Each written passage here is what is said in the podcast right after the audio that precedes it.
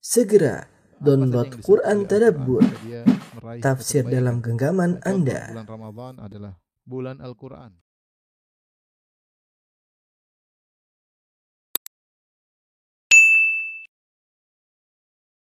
Bismillahirrahmanirrahim. Assalamualaikum warahmatullahi wabarakatuh. Alhamdulillahi ala ihsani wa syukru lahu ala taufiqihi wa amtinani wa asyhadu an la ilaha illallah wahdahu la syarika lahu ta'ziman li sya'ni wa asyhadu anna Muhammadan abduhu wa rasuluhu da ridwani Allahumma salli alaihi wa ala alihi wa ashabihi wa ikhwani. Para hadirin dan hadirat jamaah Masjid Al-Ukhuwah BSD yang dirahmati oleh Allah Subhanahu wa taala. Alhamdulillah puji dan syukur kita panjatkan kepada Allah Subhanahu wa taala yang terus memberikan kita karunia limpahan rahmat yang tiada henti-hentinya.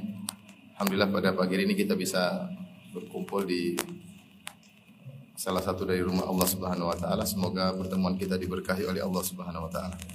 Salawat dan salam tercurahkan selalu kepada junjungan kita Nabi Muhammad sallallahu alaihi wasallam juga kepada keluarganya serta seluruh sahabat beliau tanpa terkecuali. Kita lanjutkan bahasan kita dari pembahasan kitab Al-Kabair dosa-dosa besar karya uh, Al-Imam Az-Zahabi Asy-Syafi'i rahimahullahu taala. Uh, beliau berkata Al-Kabirah Al-Hadiyah wal Khamsun dosa besar ke-51 Adiyatu awliya illahi ta'ala wa mu'adatuhum yaitu menyakiti atau mengganggu wali-wali Allah dan memusuhi mereka.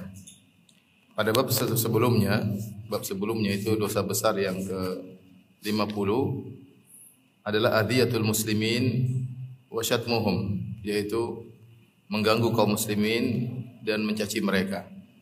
Secara umum mengganggu kaum muslimin tidak boleh. Terlebih lagi yang diganggu adalah orang-orang yang zahirnya adalah orang-orang saleh. Yaitu yang apa namanya? dikenal sebagai wali-wali Allah Subhanahu wa taala. Ya, tentu ini lebih lebih dahsyat lagi uh, hukumannya ya. Uh, tentunya untuk mengatakan si fulan wali Allah, si fulan wali Allah uh, yang tahu hanya Allah Subhanahu wa taala. Kalau ada dalil menunjukkan mereka orang-orang yang telah dipuji oleh Allah secara khusus, maka kita mengatakan mereka adalah wali-wali Allah seperti para nabi, para sahabat ya. Adapun selain mereka yang tidak ada dalil secara khusus kita husnudzon. Husnudzon kalau ada orang yang kesehariannya terlihat bertakwa kepada Allah, menjaga ucapannya, menjaga pandangannya, menjaga pendengarannya, bertakwa kepada Allah, maka kita bilang insyaallah mereka wali-wali Allah Subhanahu wa taala. Kalau memastikan kita tidak tahu karena untuk memastikan kita harus tahu zahir dan batin. Sebentar batin kita tidak ada yang tahu. Tapi kita berhukum dengan zahir. Zahirnya orang-orang yang saleh mereka adalah wali-wali Allah. Wali-wali Allah sebagaimana firman Allah Subhanahu wa taala, "Ala inna awliya Allah la khaufun 'alaihim wa lahum yahzanun alladzina amanu wa kanu yattaqun." Ketahuilah wali-wali Allah adalah mereka tidak khawatir dan mereka tidak bersedih. Alladzina amanu wa kanu yattaqun. Mereka adalah orang-orang yang beriman dan bertakwa.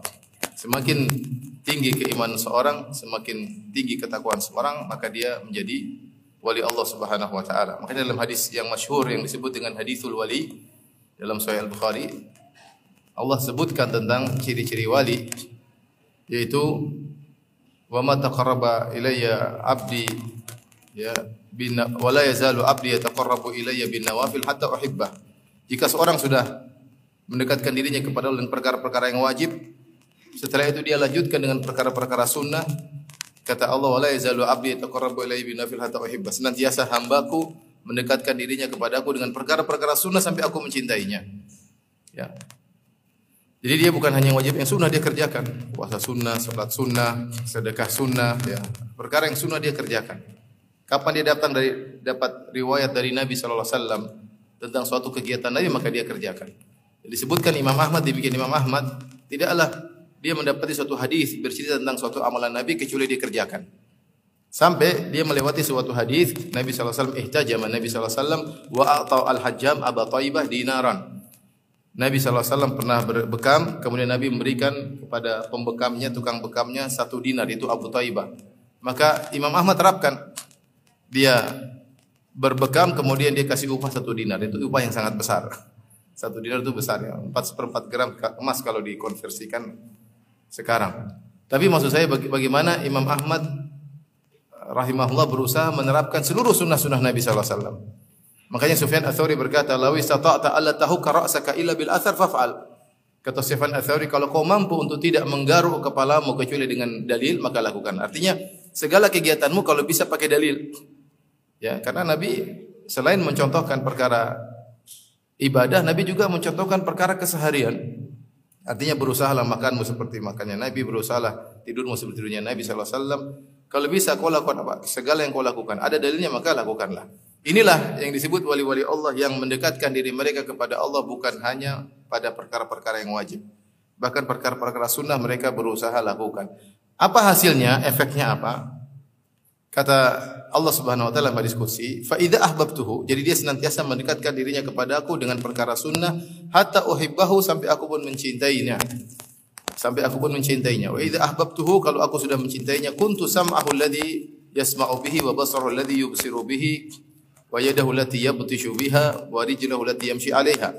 Maka jadilah aku pendengarannya, jadilah aku penglihatannya, jadilah aku tangannya, jadilah aku kakinya. Itu kata para ulama, Allah membimbing dia. Tidaklah dia melihat yang haram kecuali dia gelisah kemudian dia istighfar. Dia tidak betah mendengar yang haram, tidak betah melihat yang haram, tidak melangkahkan kakinya ke tempat-tempat yang haram. Kenapa? Karena dia dijaga oleh Allah Subhanahu wa taala. Sehingga dapat disimpulkan bahwa wali-wali Allah seperti itu bertakwa menjauhkan diri daripada kemaksiatan. Sampai dalam sebagian riwayat ya kata Nabi wasallam Allah berkata wa wa qalbahu alladhi yaqilu bihi wa lisanahu alladhi yantiqu bihi. Aku menjadi hatinya yang dia berfikir dengan hati tersebut dan aku menjadi lisannya yang dia berbicara dengan lisan tersebut. Inilah ciri-ciri wali Allah. Dia apa namanya? selalu dibimbing oleh Allah Subhanahu wa taala uh, terjaga ya. Meskipun wali Allah tidak maksum, dia mungkin terjerumus kesalahan, tapi secara secara global seperti itu. Bukan wali-wali Allah orang yang kemudian mengumbar pandangannya, berarti pandangannya tidak dijaga oleh Allah Subhanahu wa taala. Lisannya tidak dia jaga, menuduh sana, menuduh sini, sembarangan bicara, ya, berdusta. Bukan wali Allah orang-orang yang kemudian mendengar gibah dan namimah, ya. ini bukan ciri-ciri. Apalagi yang bermaksiat, apalagi yang bermaksiat, ya. Kemudian ikut-ikutan yang haram, ini bukan bukan wali Allah Subhanahu wa taala, ya. Apalagi wali Allah tidak sholat, parah lagi ya. Wali Allah tidak tidak sholat. Tidak sholat menjadi wali wali syaitan, bukan wali Allah Subhanahu wa taala. Jadi kalau kita dapati ada orang seperti ini dan kita punya sahabat-sahabat seperti itu ya. Kalau kita lihat dia kita ingat akhirat ya. Ngomongnya selalu kita lihat dia ibadah, kalau nggak baca Quran, kalau kata-kata yang baik, berdakwah, ada orang seperti itu ya. Jadi kehidupannya penuh dengan keimanan. Ya bukan berarti dia maksum, dia mungkin melakukan kesalahan. Tapi kalau orang seperti ini, kita bilang mudah-mudahan dia adalah wali Allah Subhanahu wa taala. Maka hati-hati mengganggu orang seperti ini, hati-hati. Hati-hati mengganggu orang yang seperti seperti ini ya. Allah berfirman, "Walladzina yu'dzuna al-mu'minina wal mu'minati bighairi maktasabu faqad ihtamalu buhtanan wa itsman mubina." Orang-orang yang mengganggu kaum mukminin dan kaum mukminat tanpa perbuatan yang mereka lakukan, tanpa alasan, faqad ihtamalu buhtanan wa itsman mubina. Sungguh mereka telah menanggung kedustaan, memikul kedustaan dan menanggung dosa yang jelas. Kemudian kata Az-Zahabi rahimahullah taala wa qala Nabi sallallahu alaihi wasallam Nabi sallallahu alaihi wasallam bersabda yaqulullahu taala Allah berfirman man adali waliyan faqad adantuhu bil harbi. Siapa yang memusuhi waliku maka aku telah mengumumkan perang kepadanya ya. Wa fi lafzin dalam riwayat yang lain faqad barazani bil muharabah. Dia telah menantangku untuk berduel atau berperang kata Allah Subhanahu wa taala akhrajahul Bukhari ya jadi menunjukkan bahayanya kita mengganggu wali-wali Allah Subhanahu wa taala ya. Orang yang mengganggu Allah Subhanahu wa taala ya. apalagi itu orang-orang saleh misalnya suka eh, hafiz Quran, misalnya dia suka beribadah, menjaga lisan, kemudian dituduh-tuduhan tidak-tidak. Difitnah dengan fitnah tidak-tidak. Bolehlah yang menuduh itu atau mengganggu tersebut merasa menang di dunia. Tapi akan ada balasannya. Saya yakin akan balasannya di dunia sebelum di akhirat. Tapi mungkin tidak langsung. Mungkin tidak langsung. Betapa kita sering dengar ya berita seperti itu ya. Bagaimana seorang soleh diganggu, ya diganggu, disakiti, kemudian datang balasannya cepat atau lambat. Akan datang balasan di dunia sebelum di akhirat. Maka seorang waspada. Jangan ganggu-ganggu orang-orang yang zahirnya orang soleh. Kalau dia punya kesalahan, ditegur ya. Adapun menempelkan kepadanya kedustaan, menuduh yang tidak-tidak, ya. mengganggu ibadahnya kepada Allah Subhanahu wa taala, ya. ya. karena hanya karena urusan duniawi, hanya karena kepentingan duniawi, yakinlah akan ada balasannya. Di dunia sebelum di di akhirat akan ada balasannya. Dan banyak kejadian-kejadian seperti itu ya. Ketika itu yang mengganggu merasa menang, ya merasa menang. Namun beberapa tahun kemudian, beberapa bulan kemudian, maka para pengganggu tersebut ditimpa dengan hal-hal yang yang buruk ya. Kenapa? Karena mereka mengganggu orang-orang yang zahirnya adalah orang-orang yang yang saleh. Dan itu sering terjadi. Maka seorang jangan mentang-mentang dengan kedudukannya, mentang-mentang dengan jabatannya, mentang-mentang dengan jumlahnya yang banyak, kemudian menyakiti seorang yang rajin beribadah kepada Allah, yang seorang yang rajin baca Quran, seorang yang rajin berdakwah di jalan Allah Subhanahu wa taala, yang menghabiskan umurnya untuk berjuang di jalan Allah Subhanahu wa taala kemudian diganggu, pasti akan ada balasan. Taib, hadis berikutnya Wa fil hadis kata Imam Zahabi, "Ya Abu Bakrin, in kunta aqdabtahum laqad aqdabta rabbak." Kata Nabi SAW menegur Abu Bakar, wahai Abu Bakar, kalau kau telah membuat mereka marah, maksudnya fuqara al-muhajirin, kalau engkau membuat, maksudnya Bilal, Suhaib, orang miskin dari kaum muhajirin marah, maka sungguhnya engkau wahai Abu Bakar telah membuat murka Allah Subhanahu wa taala. Hadis ini maksudnya bagi hadis ini lengkapnya saya bacakan. Uh,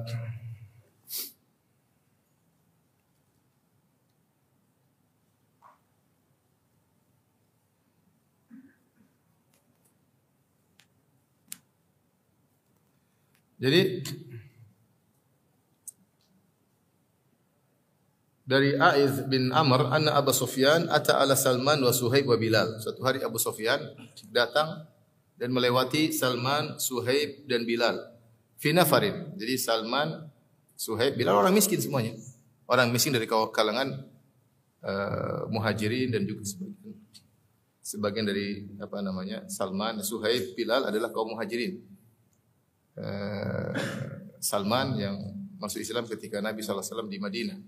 Dan ada beberapa orang ketika Abu Sufyan lewat ya, dan ini uh, kejadiannya entah di Fatu Makkah entah di entah ketika jadi sebelum Abu Sufyan masuk Islam. Sebelum Abu Sufyan masuk masuk Islam. Kalau bukan ketika Fatu Makkah, ketika perjanjian Hudaybiyah. Sepertinya ketika Fatu Makkah. Jadi Abu Sufyan melewati sahabat-sahabat yang miskin ini. Kemudian sahabat-sahabat yang miskin ini komentar faqalu ma akhadat suyufullahi min unuqi aduwillahi ma akhadaha. Kata mereka pedang-pedang Allah belum menunaikan haknya. Artinya ini orang harusnya dibunuh Abu Sufyan ini. Karena Abu Sufyan ini gembongnya orang-orang musyrikin, gembongnya orang musyrik. Setelah Abu Jahal tewas, Pengganti Abu Jahal adalah Abu Sufyan. Namun Abu Sufyan masih Islam setelah itu radhiyallahu anhu. Ya, maka ketika Abu Sufyan masih dalam kondisi kafir, dia melewati uh, para sahabat, maka sebagian sahabat berkata, sungguhnya pedang-pedang Allah belum menunaikan haknya. Itu belum memenggal kepala musuh Allah ini. Faqala Abu Bakar, maka Abu Bakar tegur para sahabat ini yang mereka miskin-miskin itu Suhaib, kemudian uh, Bilal, Salman dan beberapa sahabat yang lainnya. Abu Bakar berkata, "Ataquluna hadza li syaikhi Quraisy wa sayyidihim?" Apa kalian mengucapkan perkataan seperti ini kepada pemimpin orang-orang Quraisy dan kepalanya orang Quraisy Abu Sufyan paling top ketika itu setelah Abu Jahal. Kata para ulama, Abu Bakar ingin mengambil hati Abu Sufyan. Jangan begitulah bersikap sama Abu Sufyan. Karena kita berharap dia masuk masuk Islam. Tapi rupanya para sahabat yang miskin-miskin ini jengkel sama dia. Karena dia pemimpin perang Uhud, dia pemimpin perang Khandaq, Abu Sufyan. Ya, makanya ketika lewat eh, mereka jengkel. Mereka ini belum mati, berarti pedang-pedang Allah belum menunaikan haknya. Nah Abu Bakar punya punya istihad sendiri. Dia tegur para sahabat, "Ataquluna hadza?" Apa kalian mengucapkan perkataan kasar seperti ini kepada salah seorang Syekh Quraisy itu pemimpin orang Quraisy wa sayyidihim. Maka fa'atan Nabi sallallahu alaihi wasallam fa akhbarahu. Maka Abu Bakar setelah itu datang kepada Nabi mengabarkan, artinya Abu Bakar mengeluhkan kepada Nabi kenapa para sahabat kasar kepada Abu Sufyan. Karena kalau dia masuk Islam berpengaruh kepada yang lainnya. Jadi ingin taklif, ingin mengambil hati Abu Sufyan. Ketika Abu Bakar cerita kepada Nabi sallallahu alaihi wasallam, Nabi justru menegur Abu Bakar. Kata Nabi sallallahu alaihi wasallam, "Ya Abu Bakrin, la'allaka aqdabtahum." Sepertinya jangan-jangan kau buat para sahabat marah. Jangan-jangan kau buat uh, Bilal yang miskin-miskin Bilal radhiyallahu anhu, Salman radhiyallahu anhu, Suhaib radhiyallahu anhu marah.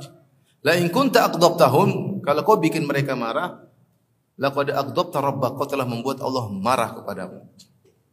Ya, karena mereka ini wali-wali Allah. Abu Bakar benar wali Allah, tapi dalam hal ini jangan kau bikin marah Bilal, Suhaib dan Salman. Perhatikan kata Nabi, la in kunta aqdabtahum faqad abdaqta aqdabta rabbak. Kalau kau bikin mereka marah, sungguhnya kau telah membuat Rabbmu marah. Akhirnya Abu Bakar gelisah, fa'atahum, maka Abu Bakar segera datang kepada para sahabat tadi, Salman, Bilal dan Suhaib.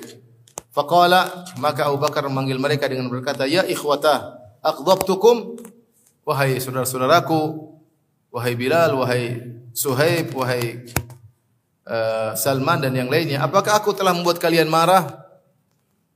Faqalu la, enggak, enggak, kata mereka, Pak. enggak. Yaghfirullahu laka ya akhi. Kata mereka, Allah mampuni kau wahai Abu Bakar. Jadi mereka tahu Abu Bakar siapa. Cuma Nabi memperingatkan, jangan bikin marah wali-wali Allah Subhanahu wa taala. Kalau bikin marah segera minta, minta maaf. Ya, terkadang kita menyakiti seorang, mungkin orang lemah, miskin, tapi dia wali Allah. Dia ternyata rajin sholat, rajin puasa sunnah. Kemudian angkat tangan berdoa, mampus kita ya. Jadi jangan, jangan, jangan apa namanya, jangan sembarang ya. Jangan menyakiti hati orang secara umum, karena dia terzolimi apalagi yang kita zolimi adalah wali Allah. Cepat atau lambat kau akan binasa. Kalau kau tidak binasa di dunia, kau akan binasa di akhirat. Kau akan binasa di akhirat. Ya. Ini dalil bahwasanya uh, siapa yang buat wali-wali Allah murka atau mengganggu wali-wali Allah, maka dia telah membuat Allah Subhanahu wa taala murka padanya.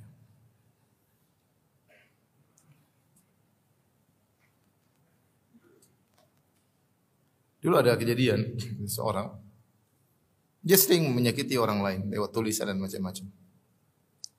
Akhirnya orang yang disakiti jengkel, ngajak bahala, ngajak bahala, dan disanggupi oleh orang yang nulis tadi. Subhanallah, setelah membahala, kena kanker darah kemudian meninggal. Maka nggak usahlah juga sedikit-sedikit membahala ya. Tapi maksud saya hati-hati ya. Orang kalau benar kita ganggu dan dia tertolimi, kemudian angkat tangan berdoa kepada Allah, dia punya senjata yang sangat kuat. Dia punya senjata yang sangat kuat. Siapa pun jangan kita sakiti ya, jangan kita tolimi. Taib, lanjutkan al-kabirah thaniyah wal khamsun. Dosa besar yang ke-52.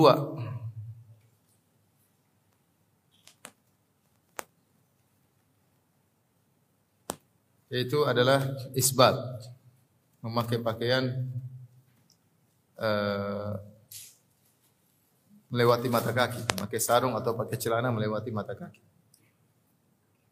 Yaitu isbalul izar ta'azuzan wa nahwahu.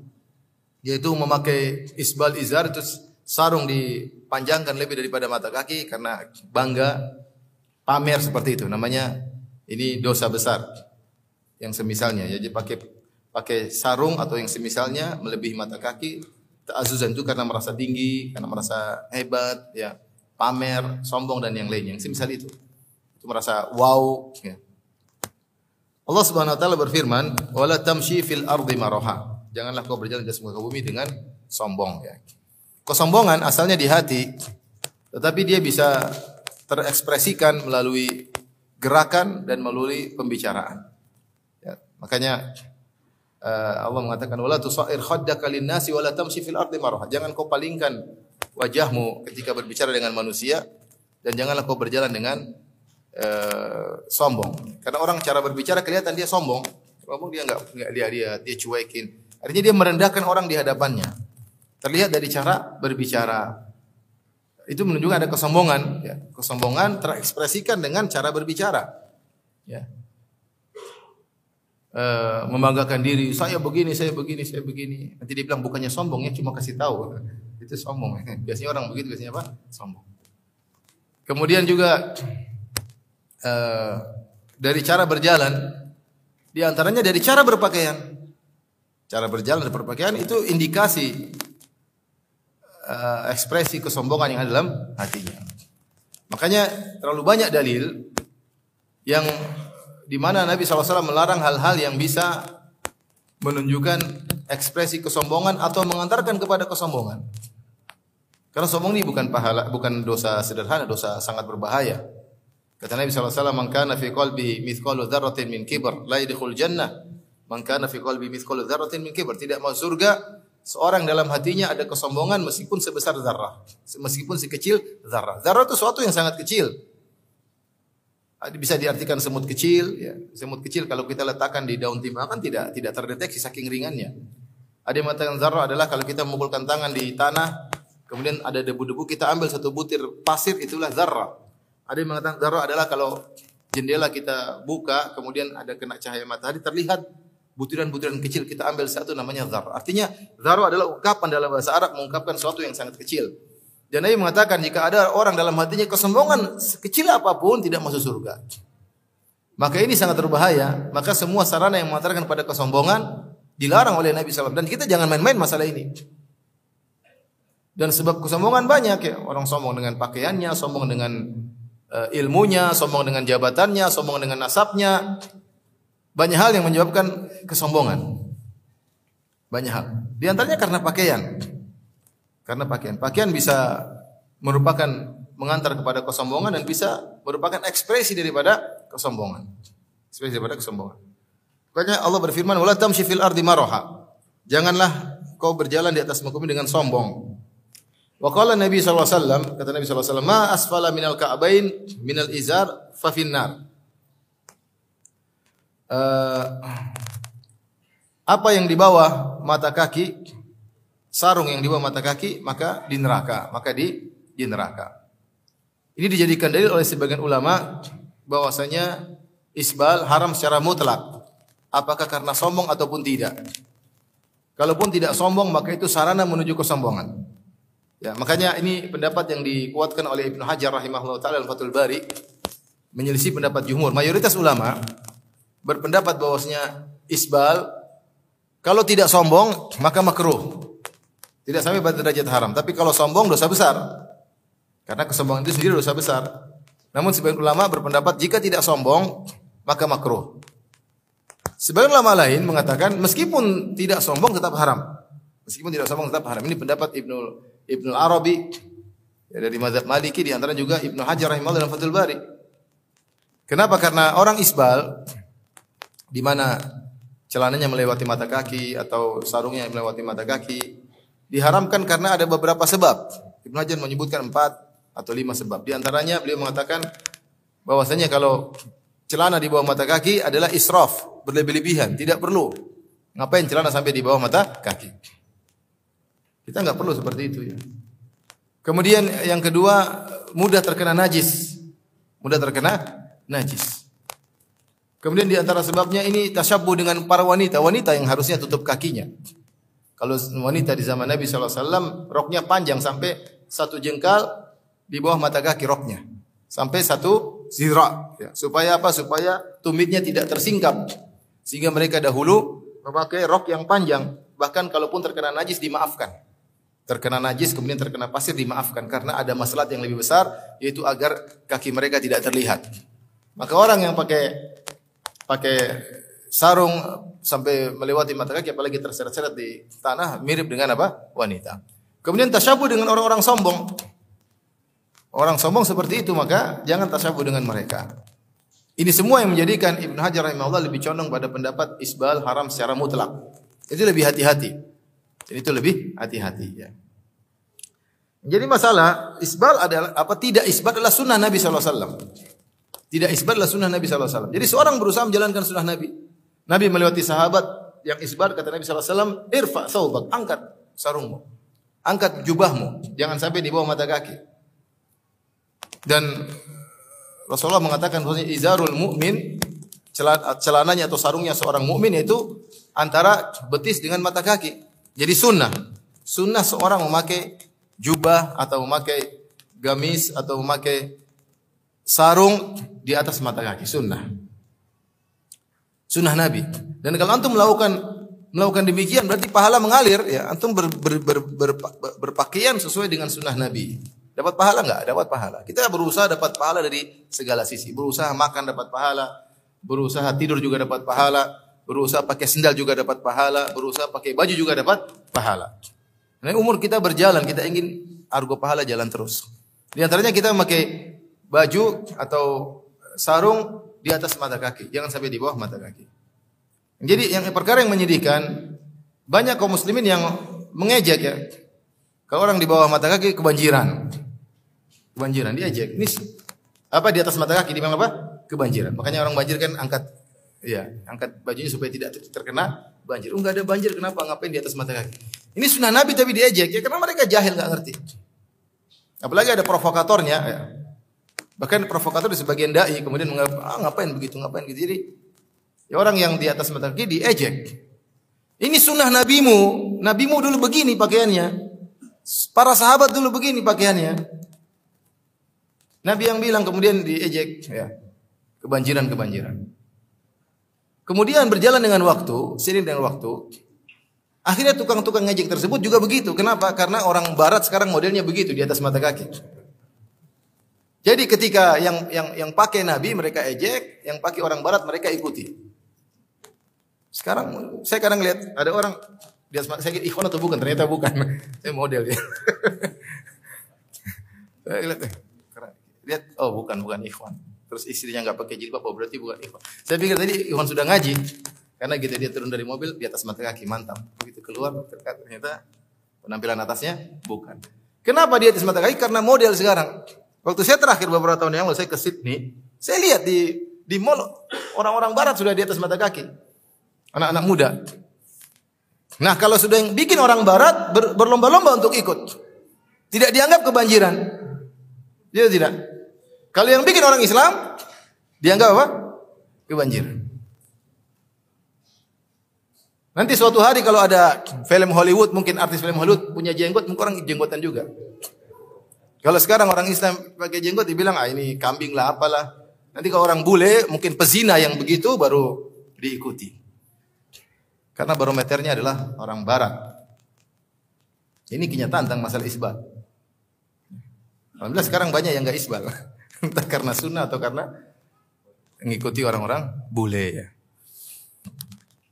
Di antara dalil yang menunjukkan bahwasanya ini masalah khilafiyah. Jadi begini maksud saya, kalau ada orang isbal ya kita tidak usah tuduh dia lah. Artinya memang ada pendapat mengatakan orang isbal itu makruh. Selama tidak apa? Sombong. Karena bisa jadi orang-orang yang mungkin celananya di bawah mata kaki dia bukan sombong, mungkin model saja. Tetapi pendapat yang lebih kuat haram secara mutlak. Haram secara mutlak. Ini masalah khilafiyah. Kalau karena sombong semua orang sepakat dosa besar. Tapi kalau tidak sombong maka khilaf. Yang lebih hati-hati, yang lebih hati-hati dan lebih sesuai sunnah adalah uh, pendapat yang mengatakan haram secara mutlak. Di antara dalil yang menunjukkan haram secara mutlak hadis ini dalam Sahih Bukhari, ma asfala minal ka'bain fa finnar. Semua yang di bawah mata kaki maka di neraka. Ya, jadi kalau ada orang misalnya uh, ini kakinya, kemudian ini mata kaki, kemudian celananya sampai di bawah mata kaki, maka bagian kakinya yang isbal ini akan diadab oleh Allah Subhanahu wa taala. Apa yang di bawah mata kaki di neraka kata kata Nabi wasallam. Ini seperti sabda Nabi wasallam ketika melihat sebagian sahabat yang berwudu kemudian tumitnya tidak terkena air. Kata Nabi wasallam, "Wailul liaqabi minan nar." Celaka tumit-tumit kena api, kena api neraka, tumit-tumit yang tidak terkena air wudu. Mungkin ada yang protes, apa? Masa cuma yang diadab cuma ini? Pakai akal kamu, ya, terus badannya tidak apa, cuma ini aja yang diadab. Sama Nabi pernah bilang juga sama orang yang wudhunya nggak beres, celaka, tumitmu kena api. Ini ancaman artinya seorang e, berusaha tidak isbal. Ya. Makanya ketika datang hadis ini, Ummu Salamah radhiyallahu taala anha menganggap hadis ini umum, mencakup para wanita. Maka mereka minta izin, ya Rasulullah, kami butuh isbal. Saya tanya sama antum sekalian, Ummu Salamah ketika mendengar hadis ini, dia memandang hadis ini umum. Makanya dia minta izin, kami butuh isbal. Apakah wanita ketika isbal karena sombong? Tentunya tidak. Justru untuk menutup aurat mereka. Tetapi Ummu Salamah begitu dengar hadis dia menyangka termasuk para wanita juga. Maka minta izin agar yurkhina shibran. Ya Rasulullah kami minta izin untuk isbal. Kata Nabi silakan isbalkan rok kalian sampai satu jengkal. Kata Ummu Salamah idzan tanqashifa aqdamahun Idan tangkashifu aqdamuhun. Ya Rasulullah kalau cuma satu jengkal di bawah mata kaki akan tersingkap kaki-kaki mereka. Kata Rasulullah SAW, yurkhinahu zira'an wala yazidna ala dhalik. Panjangkan lagi di bawah mata kaki sampai satu hasta, jangan lebih daripada itu. Agar benar-benar kaki benar-benar tertutup. Ya. Bukan pakai hak tinggi baru kelihatan semua.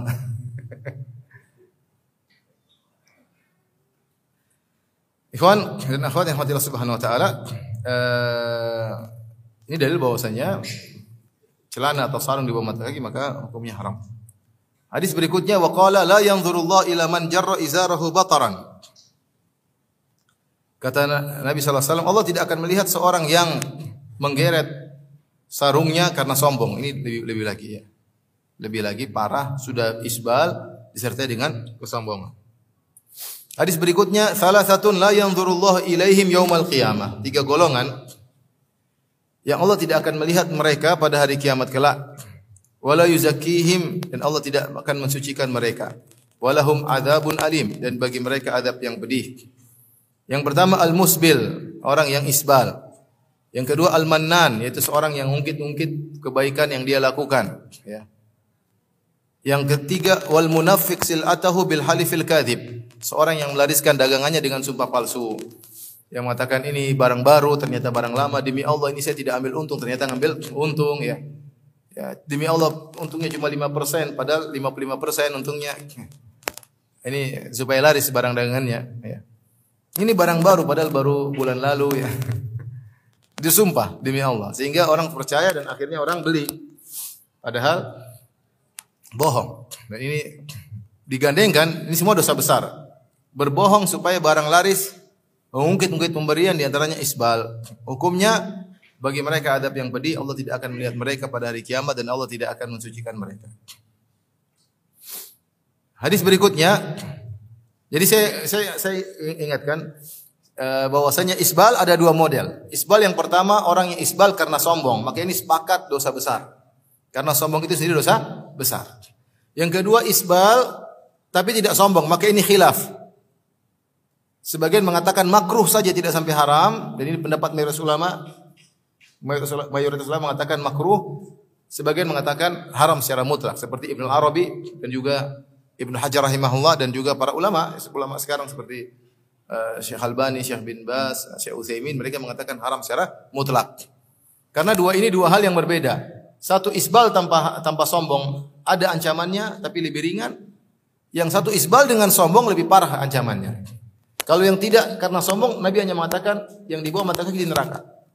Tapi kalau karena sombong akan diadab sak tubuh-tubuhnya semuanya. Diadab dengan adab yang pedih, tidak akan dibicara diajak bicara oleh Allah. Walahum adabun adim dan mereka jadi diadab secara total seluruhnya. Beda kalau yang tidak yang, yang bukan karena sombong maka hanya bagian yang berlebihan itu yang diadab oleh Allah Subhanahu wa taala. Sehingga dua perbuatan yang berbeda dengan dua hukum yang berbeda. Dan saya lebih condong pendapat bahwasanya isbal haram secara mutlak. Isbal haram secara mutlak ya. Taib hadis berikutnya waqala Nabi SAW bersabda, "Bainama rajulun yamshi fi hullatin tu'jibuhu nafsuhu." Tatkala ada seorang lelaki berjalan dengan hullah, hullah itu pakaian atas bawah yaitu ada ridaknya dan ada izarnya, ada selendang, ada ada atas bawah, ada sarungnya. Tujibuhu nafsuhu, dia pakai baju tersebut uh, menjadikan dia ujub. Sombong, orang pakai baju baru keren gagah gitu, ujub dan ujub. Ujub itu sebenarnya apa ya, ya dia perantara menuju sombong. Dia merasa bangga mungkin karena mampu beli, merasa ini itu. Sehingga muncullah ujub. Murajjilun ra'sahu.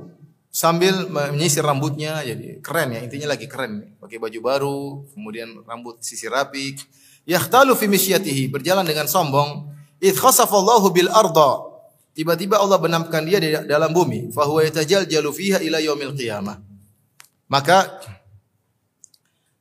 eh, dia pun digoyangkan di dalam bumi sampai hari kiamat kelak yaitu dia dapat azab azab kubur, dapat azab kubur sampai hari kiamat kelak. Di antara dalil tentang azab kubur karena Nabi mengatakan wa huwa yatajaljalu fiha. Dia digoyangkan di dalam tanah sampai hari hari kiamat, tersiksa sampai hari kiamat.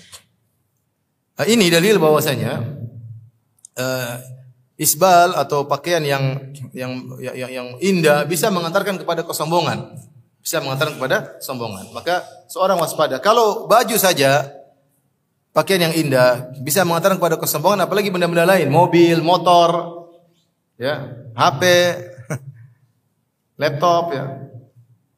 Semuanya jangan jangan sombong ya. Sama tidak boleh juga kita sombong punya masjid besar nggak boleh. Apalagi yang bangun pakai uang orang bukan uang kita sendiri. Pakai uang sendiri tidak boleh sombong apalagi pakai uang orang ya.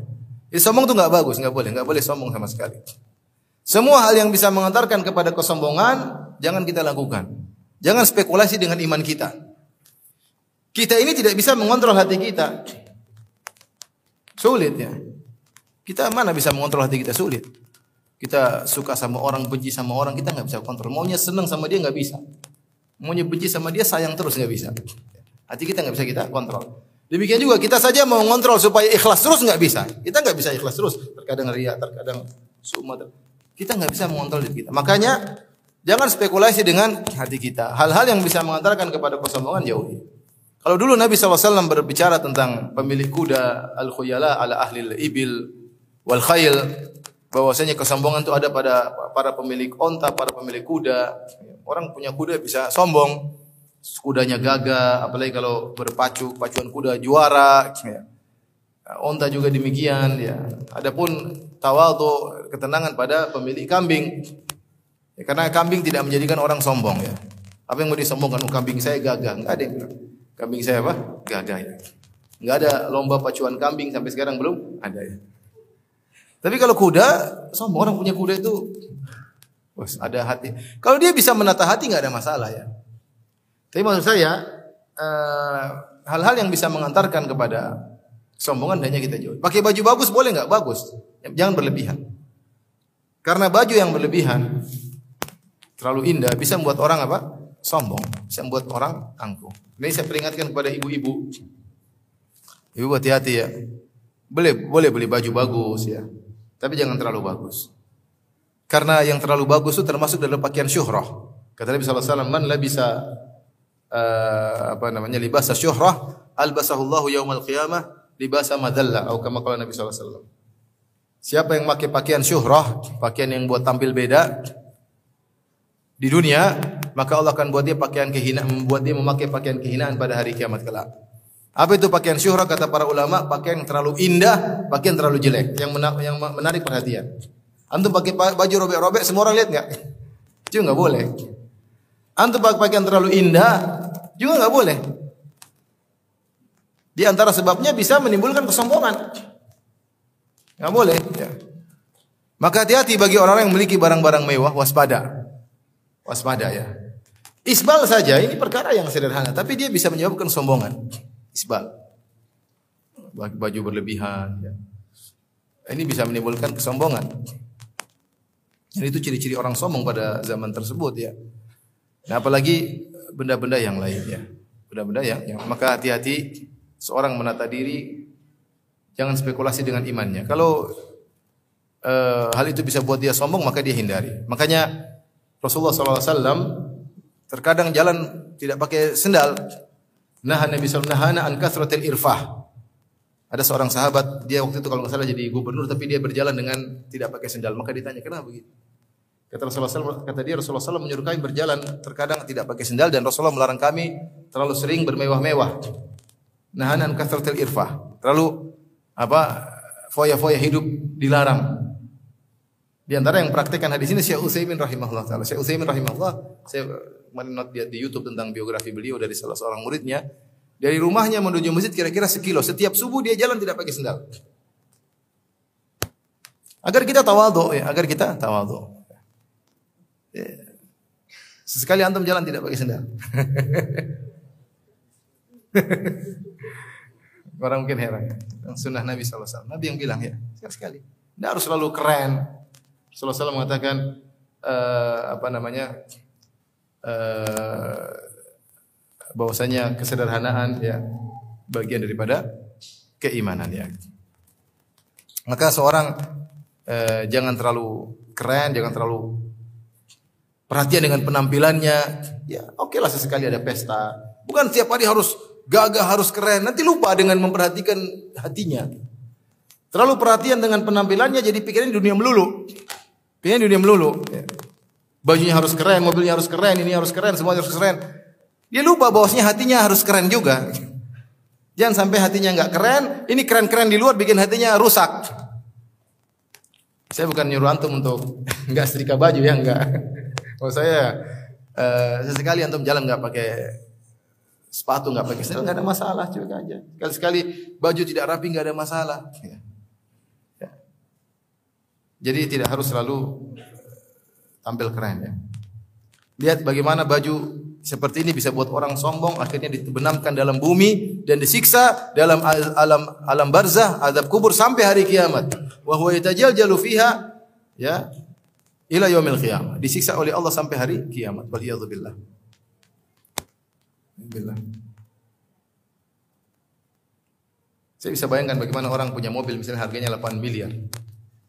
Kemudian dia naik. Kira-kira hatinya gimana? Ung pinjam aja bisa sombong apalagi punya sendiri. Ini nggak pinjam, apalagi punya punya sendiri. Kita nggak bisa ngontrol hati kita. Antum bayangkan antum punya jam harganya misalnya 200 juta, ya. Ya mungkin ada orang biasa aja yang bisa ngontrol hati nggak ada masalah. Yang penting dia bisa menjawab pertanyaan Allah kenapa beli jam segitu nggak apa-apa. Saya pernah tegur teman saya, hajian sama saya. Saya bilang antum pakai jam mahal 200 juta lebih. Gimana? Kalau ditanya sama Allah bagaimana? Saya bisa jawab kok, saya bisa jawab katanya. ya udah kalau kau bisa jawab nggak apa-apa, saya cuma ingetin doang. Jadi dia bilang, saya bisa jawab kok, saya bisa jawab. Nah, ternyata orang itu memang sangat sangat suka sedekah. Setelah belakangan saya tahu dia sangat apa suka bersedekah. Ya. Ya ada yang ada yang ketemu teman saya juga begitu, teman satunya lagi dia pakai jam mahal. Nah begitu dia bilang ya, saya kan konsultan Ustaz. Kalau ketemu orang-orang mereka yang lihat pertama kali penampilan.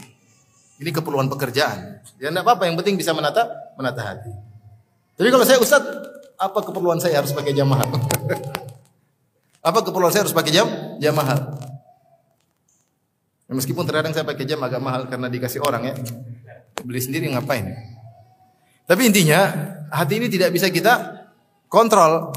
Maka jangan kita spekulasi dengan hati kita. Tapi kita lanjutkan.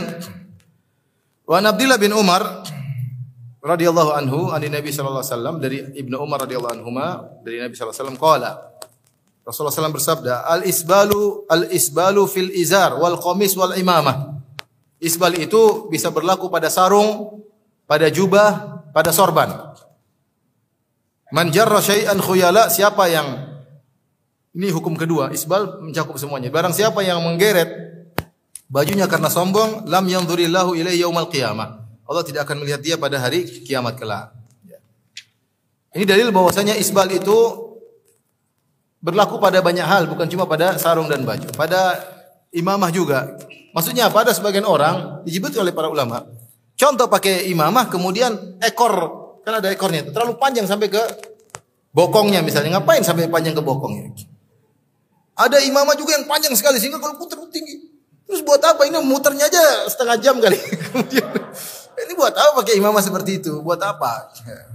Ini mubadir ya. Mubadir ya. Tidak boleh. Karena Rasulullah mengatakan isbal berlebih-lebihan dalam berpakaian berlaku juga pada imamah.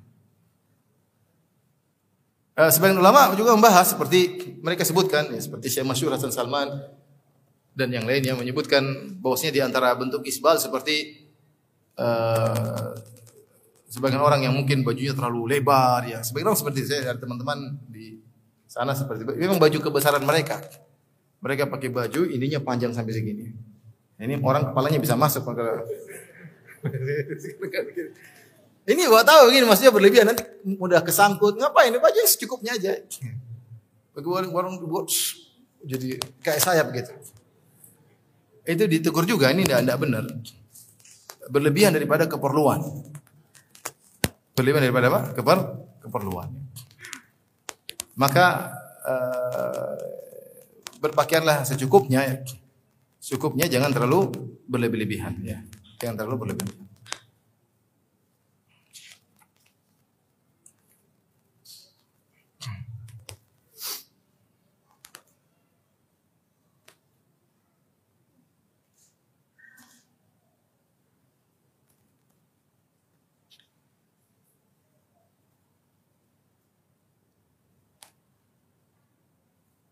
Kata Ibnu Qayyim rahimahullah taala, al-akmamul wasi'ah tiwal allati hiya kal akhraj falam yalbasha an-nabi sallallahu alaihi wasallam huwa wala ahad min ashabi al-battah wa hiya mukhalifatun li sunnatihi wa fi jawaziha nadhar fa innaha min jinsil khuyala.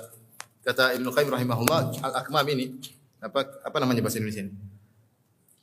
Kalau ini kan kerah baju, kalau ini kerah tangan. Apa bahasa Indonesia? Hah? Antum orang Indonesia bukan?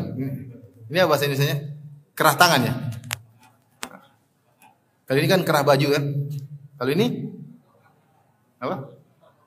Kerah lengan, kerah juga ya? Iya.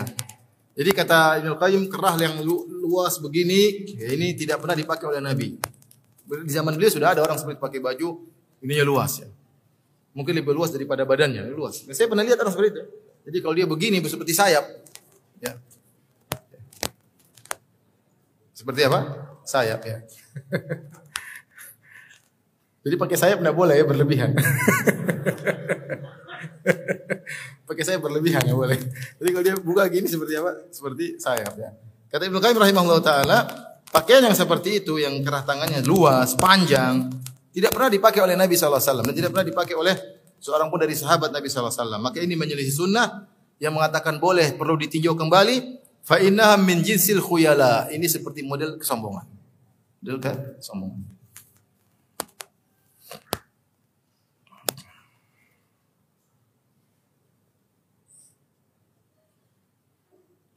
Kata Asy-Syaukani rahimahullah dalam Al-Autar, "Qad sara ashharan nasi bi qad sara ashharun nasi bi mukhalafati hadhihi sunnah fi zamanina hadha al-ulama." Kata Asy-Syaukani subhanallah beliau mengatakan, justru orang yang paling banyak menyelisihi sunnah Nabi ini di zaman kami ini adalah para ulama, jadi orang berilmu. Fayara ahaduhum wa qad ja'ala liqamisi kammain atau kummain yasluhu kullu wahidin minhuma an yakuna jubbatan aw qamisan li saghirin min auladihi aw yatim. Kata Syaukani rahimahullah taala, justru sebagian ulama di zaman kami uh, apa namanya? Uh, membikin jubahnya itu justru luas sekali ininya ya. Sampai dibikin double, kayaknya double bikin double lagi lubangnya sampai double. Kata dia satu lubang ini bisa bikin jubah sendiri buat anaknya atau buat anak yatim. Ngapain dia pakai banyak-banyak? Kalau dipotong bajunya itu dikumpulkan bisa bikin baju untuk anak yatim. Ini disedekahkan. Walaysa fi dzalika syai'un minal fawaid dunyawiyah ila al-abath. Tidak ada kemaslahatan duniawi sama sekali kecuali hanyalah pekerjaan sia-sia. Kecuali kalau luas memang supaya kena AC begitu maksudnya itu mungkin ya biar ketiaknya segar itu mungkin. Tapi enggak enggak ada enggak ada kemaslahatan duniawi kecuali hanya sekedar buang-buang duit. Enggak ada faedahnya. Wa taskilul mu'na 'ala nafs hanya memperberat ya berat bajunya berat ya. wa man'il intifa' bil yadi fi kathir fi kathir minal manafi. Dan kadang tangan mau melakukan banyak kegiatan enggak bisa karena terhalang dengan baju yang sangat lebar wa ta'ridihi li sur'ati tamazzuq wa tashwihil hay'ah wala min al fawaid diniyah ila mukhalafati sunnah wal isbal wal khuyala. Demikian juga membuat baju mudah robek, membuat penampilan jelek dan tidak ada faedah agama kecuali hanya menyelisih sunnah, isbal dan kesombongan. Jadi ini maksudnya isbal itu bukan hanya pada sarung dan gamis saja bahkan imamah model pakaian. Intinya pakaian yang terlalu berlebihan ya. Ini sampai panjang dianggap isbal juga oleh para ulama. Panjang banget lebar ya. ya. tadi kalau kepala masuk bisa masuk ya ini apa namanya menyelisih sunnah. Taib. Selanjutnya Rawahu Abu Dawud wa Nasai bi isnadin sahih. Wa qala Jabir bin Sulaim kata Al-Adzahabi rahimahullah berkata Jabir bin Sulaim qala li Rasulullah sallallahu alaihi wasallam Rasulullah sallallahu berkata kepada Iyyaka wa isbal al-izar waspadalah engkau dari berbuat isbal pada sarung fa innaha fa innaha minal makhyalah atau minal makhilah sungguhnya isbal itu sendiri merupakan kesombongan ini yang dijadikan dalil juga oleh sebagian ulama bahwasanya isbal haram secara mutlak karena isbal itu adalah bagian dari kesombongan Meskipun kamu tidak merasa sombong. Nabi berkata, Iyyaka wa isbal al-izar, waspadalah engkau dari sikap isbal, fa innaha minal makhyalah. Sungguhnya isbal itu sendiri bagian daripada kesombongan. Wa inna Allah la yuhibbul makhyalah. Dan Allah tidak menyukai kesombongan. Menyukai kesombongan. Wa an Abi Hurairah radhiyallahu taala anhu, hadis berikutnya, qala bainama rajulun yusalli musbilan izarahu. Dari Abu Hurairah tatkala ada seorang sedang salat dalam kondisi isbal sarungnya. Qala lahu Rasulullah sallallahu alaihi wasallam, Rasulullah tegur, "Idhhab wa tawadda." Pergilah kau dan berwudulah. Fadhahaba wa tawadda. Maka dia pun pergi, dia berwudu. Thumma jaa, kemudian dia mau salat lagi kata Nabi, "Idhhab wa tawadda." Pergi dan berwudulah. Faqala lahu rajul orang itu yang ditegur berkata, "Ya Rasulullah, malaka?" Ya Rasulullah. Eh, ada ada seorang berkata kepada Nabi sallallahu alaihi wasallam, "Ya Rasulullah, Malaka amartahu an yatawadda thumma sakatta anhu. Kenapa ya Rasulullah engkau suruh dia berwudu berulang-ulang engkau diam tidak menjelaskan apa sebabnya? Qala innahu kana yusalli wa huwa musbilun izarahu. Dia tadi salat dalam kondisi isbal. Wa inna Allah la yaqbalu salata rajulin musbilin izarahu. Dan sungguhnya Allah tidak menerima salat orang yang musbil. Allah Allah tidak menerima salat orang yang musbil. Rawahu Abu Dawud wa ala syarti Muslim insyaallah taala. Hadis ini riwayat Imam Abu Dawud dan disahihkan oleh Az-Zahabi. Namun para ulama khilaf tentang hadis ini. Yang mensahihkan di antaranya Imam Zahabi dan dia pakar hadis ya. Dari mazhab Syafi'i. Sehingga banyak ulama berpendapat dengan di bahwasanya orang di antara adab salat tidak boleh isbal. Kalau isbal zahirnya tidak diterima salatnya. Namun mereka mentakwil tidak terima ininya tidak tetap sah tetapi tidak terima pahalanya. Tapi intinya eh, banyak ulama berpendapat dengan hadis ini mengatakan orang yang sholat dalam kondisi isbal tidak diterima sholatnya. Makanya kita dapat sebagian orang kalau mereka isbal ketika mau sholat mereka linting karena mereka tahu hadis ini. Tapi yang benar hadis ini ditahqiq oleh Syekh Masyur bin Hasan Salman, hadis ini hadis dhaif. Hadis yang dhaif. Taib. Hadis berikutnya, wa qala Nabi sallallahu alaihi wasallam Rasulullah SAW bersabda, "Man jarra thawbahu khuyala la yanzurullah ilaihi yaumal qiyamah." Siapa yang menggeret bajunya karena sombong Allah tidak akan melihat dia pada hari kiamat kelak. Wa qala Abu Bakar. Abu Bakar ketika mendengar hadis tersebut, dia langsung khawatir dia berkata, "Ya Rasulullah, inna izari yastarhi ila natahadahu." Ya Rasulullah, sarungku terkadang molor ya Rasulullah di bawah mata kaki, kecuali saya perhatikan. Dia takut masuk dalam hadis tersebut. Abu Bakar tidak mengatakan, oh tenang, kalau saya kan tidak sombong. Enggak, dia enggak bilang begitu. Berarti karena dia mengatakan, siapa yang menggeret sarungnya karena sombong, Allah tidak akan lihat pada hari kiamat kelak. Abu Bakar ketika mendengar hadis tersebut, Abu Bakar tidak santai saja. Saya kan enggak sombong, jadi enggak ada masalah. Justru dia khawatir. Dia bilang Rasulullah, bagaimana dengan saya terkadang molor, kecuali saya perhatikan. Dia tidak mengatakan saya tidak sombong, dia takut masuk dalam hadis ini. Rasulullah berkata, "Inna kalasta mimman yaf'alu khuyala." Kau enggak sombong. Kau melakukannya tidak sombong. Rawahul Bukhari, hadis riwayat Bukhari. Hadis ini dijadikan dalil oleh sebagian orang untuk berisbal ria. Isbal, oh, kalau enggak sombong enggak apa-apa. Abu Bakar aja enggak sombong enggak apa-apa. Jawabannya betapa jauh sikapmu dengan Abu Bakar. Abu Bakar ketika mendengar hadis ini apakah dia merasa tidak sombong? Dia tidak merasa demikian, justru dia takut. Makanya dia cari uzur, Rasulullah bagaimana? Saya ini kadang-kadang kecuali saya perhatikan kadang-kadang saya tidak tidak ingat tahu-tahu turun. Yang bilang dia tidak sombong siapa? Abu Bakar sendiri atau Nabi? Nabi yang bilang. Karena Nabi mungkin diberi wahyu oleh Allah Subhanahu wa taala mengetahui isi hati Abu Bakar kamu tidak sombong. Nah, kalau kamu kamu bilang saya tidak sombong. Jadi beda, jangan berdalil dengan hadis Abu Bakar, tidak pas menurut saya. Karena Abu Bakar tidak merasa tidak sombong, kamu merasa tidak apa? Sombong. Ini perbedaan pertama. Beda antara langit dan bumi. Dan Abu Bakar yang bilang dia tidak sombong bukan dia sendiri, yang bilang adalah Nabi Shallallahu Alaihi Wasallam. Kamu yang bilang kamu tidak sombong siapa? Istrimu. Lalu kita ini kadang sombong yang nggak sadar. Saya sering ditegur sama istri saya. Kadang saya ngomong dengan teman atau di telepon, istri saya terlalu tegur. Abi, tadi itu Abi sombong. Saya baru enggak, oh iya ya. Kadang-kadang omongan ketinggian, kadang lupa, ini manusia. Ya. Saya mikir lagi, ketika saya ngomong saya tidak sadar kalau saya ada agak merasa tinggi, saya tidak sadar. Ini saya lagi marah atau apa, istri saya tegur. Abi tadi tuh ngomong nggak benar itu. Kamu berubah, misalnya saya ditegur. Artinya Abu Bakar yang tidak sombong saja tidak merasa tidak apa? Sombong. Yang bilang dia tidak sombong Nabi SAW. Kamu merasa tidak sombong dan yang bilang tidak sombong kamu sendiri. Jadi beda antara langit dan bumi. Yang kedua, Abu Bakar tidak berisbal ria. Sudah diberi sudah diberi rekomendasi oleh Nabi kamu tidak sombong, itu pun Abu Bakar tetap narik sarungnya. Harusnya kan ada stempel tidak sombong sudah isbal aja. Ada stempel dari Nabi kok tidak sombong nggak ada masalah. Tapi Abu Bakar meskipun sudah dikasih cap tidak sombong tetap ngangkat apa? sarungnya. Nah kamu pergi ke tukang jahit panjangin ya 5 cm di bawah apa mata kaki. Kurang panjang, kurang panjang.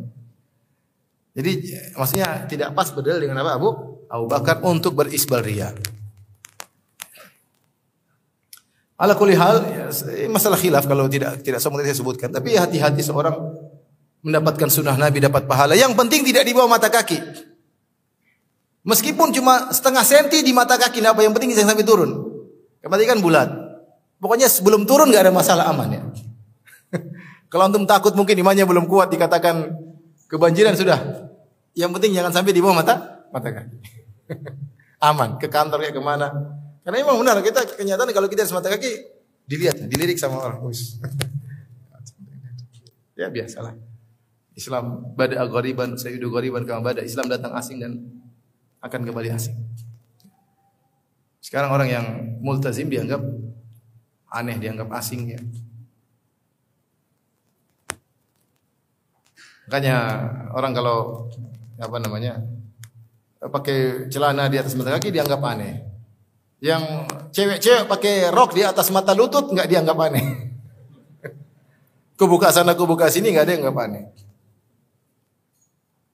Bahkan berubah fitrah sebagian orang menganggap bahwasanya keterbukaan, baju terbuka sedikit, paha terbuka sedikit adalah modern. Kalau telanjang lebih modern lagi ya. Justru yang tertutup dianggap apa namanya? terbelakang, primitif. Kan harusnya terbalik. Justru yang tidak berpakaian itu yang primitif. Orang hutan nggak pernah pakai baju kan? Primitif. Kalau sudah modern baru pakai baju ya. Sekarang kebalik yang telanjang maka dianggap modern, yang pakai baju dianggap apa? Primitif. Ya begitulah. Setan, iblis, wa zayyana syaitan a'malahum. Setan menghiasi perbuatan mereka. Setan bersumpah, la uzayyana lahum fil ardi, aku akan menghiasi maksiat yang mereka lakukan di muka bumi. Sampai sekarang kembali orang yang terbuka auratnya tidak malu dan merasa bangga. Yang tertutup auratnya malah malu. Karena pandangan manusia sudah berubah. Baik, kita lanjutkan. Waqala Nabi sallallahu alaihi wasallam Rasulullah SAW bersabda izaratul izratul mu'min ila ansafi saqaihi. Sarungnya seorang mukmin sampai tengah betisnya. Kalau bisa seperti itu yang terbaik ya. Terbaik maksudnya sarungnya sampai di tengah betisnya. Sunnah Nabi alaihi wasallam. Qala Abu Sa'id Qala Rasulullah wasallam, Rasulullah SAW bersabda, "Izratul muslim ila nisfi as-saq, wala haraj aw la junah ma bainahu wa bainal ka'bain." Bahwasanya sarung seorang mukmin sampai tengah betis dan tidak jadi masalah antara tengah betis sampai mata kaki. Tidak ada masalah. Yang penting masih di mata kaki. Makana asfala minal ka'bain yang di bawah mata kaki yang jadi masalah. Ma asfala minal ka'bain fahuwa finnar, maka di neraka jahanam. Man jarra izarahu Bataran lam yundrillahu ilaih. Siapa yang menggeret sarungnya karena sombong, Allah tidak akan melihatnya. Di sini dalil yang sangat kuat. Rasulullah membedakan dua perbuatan. Perhatikan. Rasulullah menggabungkan dua Rasulullah mengatakan, barang siapa yang di bawah mata kaki sarungnya, maka di neraka. Adapun yang sombong, maka tidak dilihat oleh Allah pada hari kiamat kelak. Ini memperkuat bahwasanya isbal itu haram secara mutlak sebagaimana pendapat Ibnu Hajar rahimahullahu taala karena dia di antara sarana menuju kesombongan. Wa qala Ibnu Umar, Ibnu Umar berkata, "Marartu ala Rasulillah sallallahu alaihi wasallam fi izari istirkhaun wa fi izari istirkhaun." Aku lewat di hadapan Nabi siapa Ibnu Umar yang ahli ibadah. Ahli ibadah Ibnu Umar radhiyallahu taala anhuma. Aku lewat di depan Nabi sallallahu alaihi wasallam ternyata sarungku melorot sedikit. Faqala ya Abdullah irfa izara kata Nabi angkat sarungmu. Suma qala zid aku angkat kata Nabi angkat lagi. Fazitu aku tambah. Fama ziltu ataharraha ba'du. Setelah itu aku selalu perhatian terhadap sarungku. Hadis riwayat Muslim. Saya tanya sama antum, Ibnu Umar sombong atau tidak? Tidaklah. Ibnu Umar tidak sombong. Tapi ketika Nabi suruh angkat sarungnya, Nabi tidak bertanya dulu, kamu sombong atau tidak? Kalau sombong lanjut aja. Eh kalau tidak sombong lanjut aja, kalau sombong angkat. Nabi tidak perinci. Nabi bilang angkat, angkat. Jadi ya antum sombong enggak ataupun tidak sombong berusaha sesuai dengan sunnah Nabi Shallallahu Alaihi Wasallam. Maksud saya berusaha cari pahala dengan berpakaian. Kalau kita bisa berpahala dengan berpakaian, kenapa tidak kita lakukan? Ya sudah pakai sarung, tinggal di atas mata kaki, gampang. Maka di penghujung pembahasan tentang isbal berkata Al-Imam Az-Zahabi wa kullu man ittakhadha farajiyatan takadu an tamassal arda aw jubbatan aw sarawil khafajiyatan fa huwa dakhilun fil wa'id al-madhkur Nas'alullah al-afiyah. Maka setiap orang yang memakai farajiyah, farajiyah mungkin sejenis pakaian, takadu tamas antamasal arda, hampir mengenai jadi panjang hampir menjeret ke ke, ke, ke tanah. Au jubbatan atau jubah asarawil khafajiyah atau celana yang mungkin yang terlalu uh, berlebihan ya. Maka dia masuk dalam ancaman yang telah disebutkan tadi. Semoga Allah memberikan kita keselamatan. Ya, jadi intinya uh, seorang berusaha menjauhkan diri dari segala bentuk isbal. Isbal dalam bajunya, dalam sarungnya, dalam jubahnya, dalam sorbannya. Maka pakai yang biasa saja sesuai dengan sunnah Nabi sallallahu alaihi wasallam yaitu sebagaimana masyarakat jangan berlebih-lebihan, terlalu mewah jangan. Sebaliknya jangan juga terlalu jelek sehingga menarik perhatian. Allah alam bisawab demikian saja kajian kita. Insyaallah kita lanjutkan bulan depan. Wabillahi taufiq. Assalamualaikum warahmatullahi wabarakatuh.